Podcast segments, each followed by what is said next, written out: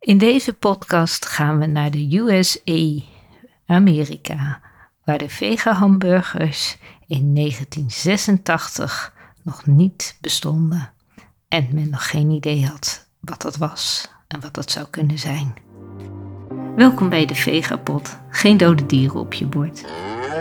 Mijn naam is Foekje en ik vertel je wat een leven lang vega eten mij heeft opgeleverd en gekost.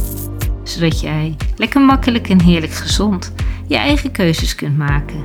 Je hoort waar je op moet letten als jij geen vlees of vis meer op tafel wilt zetten.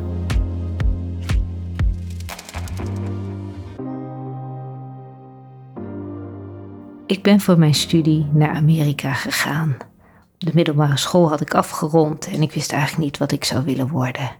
En wat is er mooier dan een tussenjaar te nemen en in Amerika verschillende vakken te gaan volgen. Het was heel bijzonder. De universiteit waar ik was, die bood aan dat je dan iedere twee weken een ander vak kon krijgen. En dat varieerde van literatuur tot wiskunde, van astronomie tot kunst, papier maken tot en met politicologie, business en zo ook schrijven. En een van de opdrachten die ik als eerste kreeg was om een brief te schrijven naar een bedrijf waar je wat wilde veranderen. Iets veranderen in een bedrijf, dat leek heel erg moeilijk. Want wie ben ik nou om naar een bedrijf te gaan schrijven en te zeggen van nou, ik zou dit wel anders willen. En ik moest ook ontzettend lang nadenken wat ik dan zou willen. Ik moet bedenken, je bent 19 jaar en je zit eigenlijk nog aan het begin van je leven en dan krijg je zo'n opdracht. En ik vond dat heel bijzonder, want tegelijkertijd dacht ik, ja, er is wel degelijk iets wat ik wil. Want ik wilde heel graag naar een fastfoodrestaurant kunnen gaan. Dat leek me gewoon leuk, gezellig. Dan was je ergens onderweg. En zeker in Amerika had je dan ieder stadje waar je inreed. Er stond zo'n grote paal met dan een uh, teken erop dat je wist van hier begint de stad. En ook hier is een fastfoodrestaurant. Maar ja, in 1986 was er gewoon niemand die bedacht had dat er vegetariërs bestonden.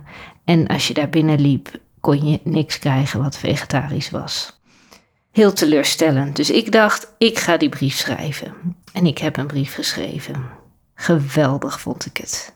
In een envelop, postzegel erop en weg was die. Het duurde een paar weken en toen kreeg ik een brief terug.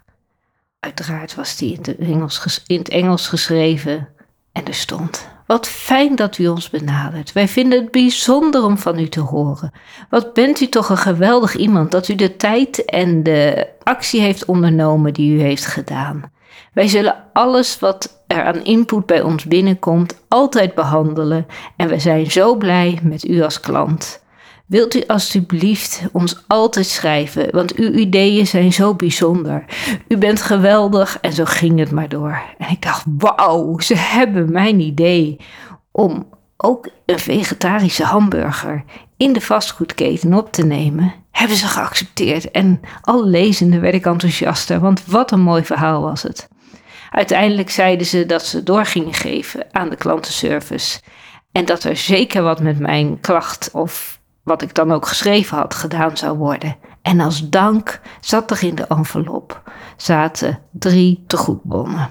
Twee voor hamburgers en één voor een milkshake. Ik was verbouwereerd. Ik kreeg een bon voor een milkshake. En in die milkshake in die tijd zat gewoon varkensvet. Dat was om het smeuig te maken. Dus dat had ik niet. En die hamburgers, ja, daar zat ik natuurlijk ook niet op te wachten. Dus ik heb ze wel gedoneerd aan een vriend, maar zelf er niks mee kunnen doen. En hoe ver weg was het idee dat je vegetarische hamburgers had?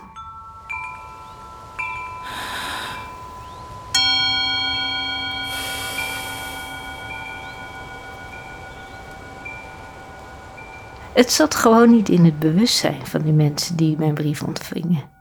Ze hadden geen idee wat het was, een vegetarische hamburger.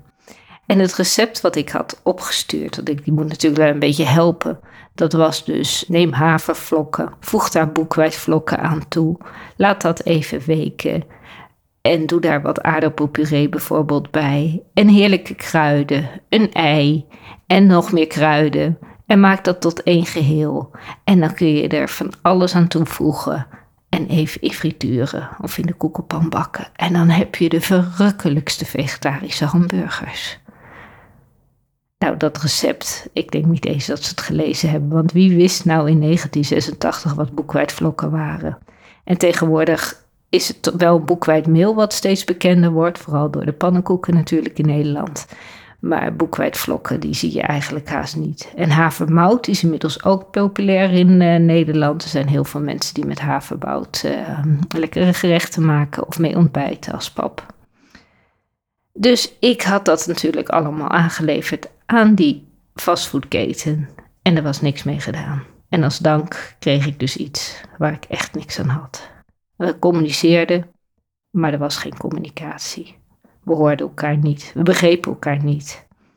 En ik weet dat het een hele zoektocht is geweest voor alle fastfoodketens om toch te komen tot een vegetarisch assortiment. En nu, als je op dit moment een fastfoodketen eh, binnenloopt, dan is er echt wel iets lekkers vegetarisch op de kaart.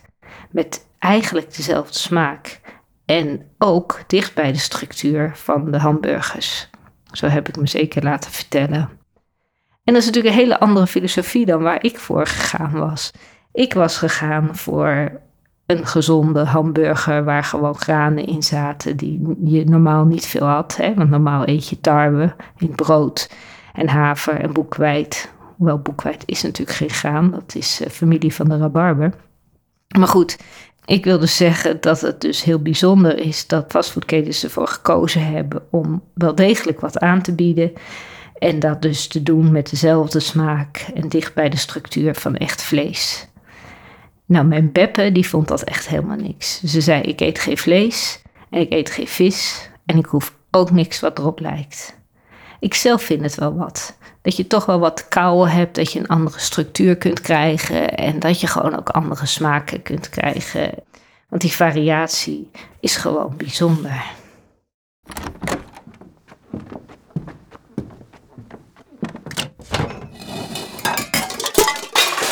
Potjandikkie. Potjandikkie. Nu kun je gewoon onderweg in Nederland overal vegetarisch eten krijgen. En misschien nog wel het meest en het makkelijkst in de fastfoodketens.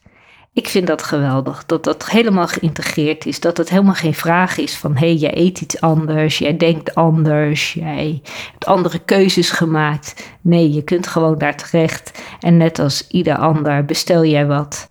In de tijd had je nog één fastfoodrestaurant uh, waar je wat langer moest wachten tot de burger dan kwam. Die had kennelijk een extra bereidingstijd nodig. Nou, dat was ook allemaal prima.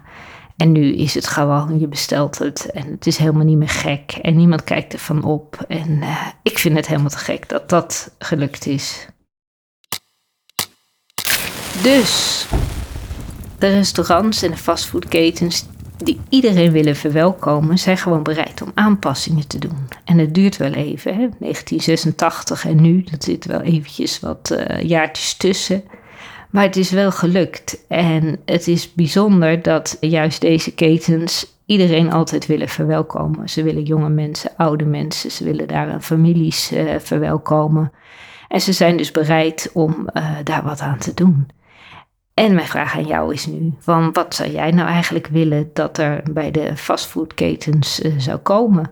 Dat je dat onderweg mee kan nemen. Wat is jouw droom daarin en wat voor receptuur zou daarbij passen? Ja, wie weet helpt het om uh, ook deze restaurants wat input te geven. Zo kunnen we samen zorgen dat er steeds betere gerechten en lekkerdere gerechten en misschien ook wel nog gezondere gerechten op de kaart komen te staan. Ik zou dat in ieder geval heel erg geweldig vinden. En ik hoop dat jij daar ook je bijdrage in wil gaan leveren. En natuurlijk is het zo dat je er rekening mee moet houden dat als zo'n grote keten besluit om uh, iets op de kaart te gaan zetten, dat dat niet zomaar gebeurd is. Alleen al het inkopen van bepaalde producten en zeker te weten dat dat er iedere keer altijd is, dat is niet eenvoudig. En het is daarom ook van belang om gewoon rekening te houden met wat de mogelijkheden zijn. Maar goed, als we er samen naar kijken en creatief zijn, dan ja, wie weet wat we kunnen bereiken. Dankjewel voor het luisteren naar de Vegapod vol belevenissen. Wil jij meer weten of geen aflevering missen? Kies dan voor abonneer. Eet smakelijk, hap voor hap en tot de volgende keer. Liefs, Voekje.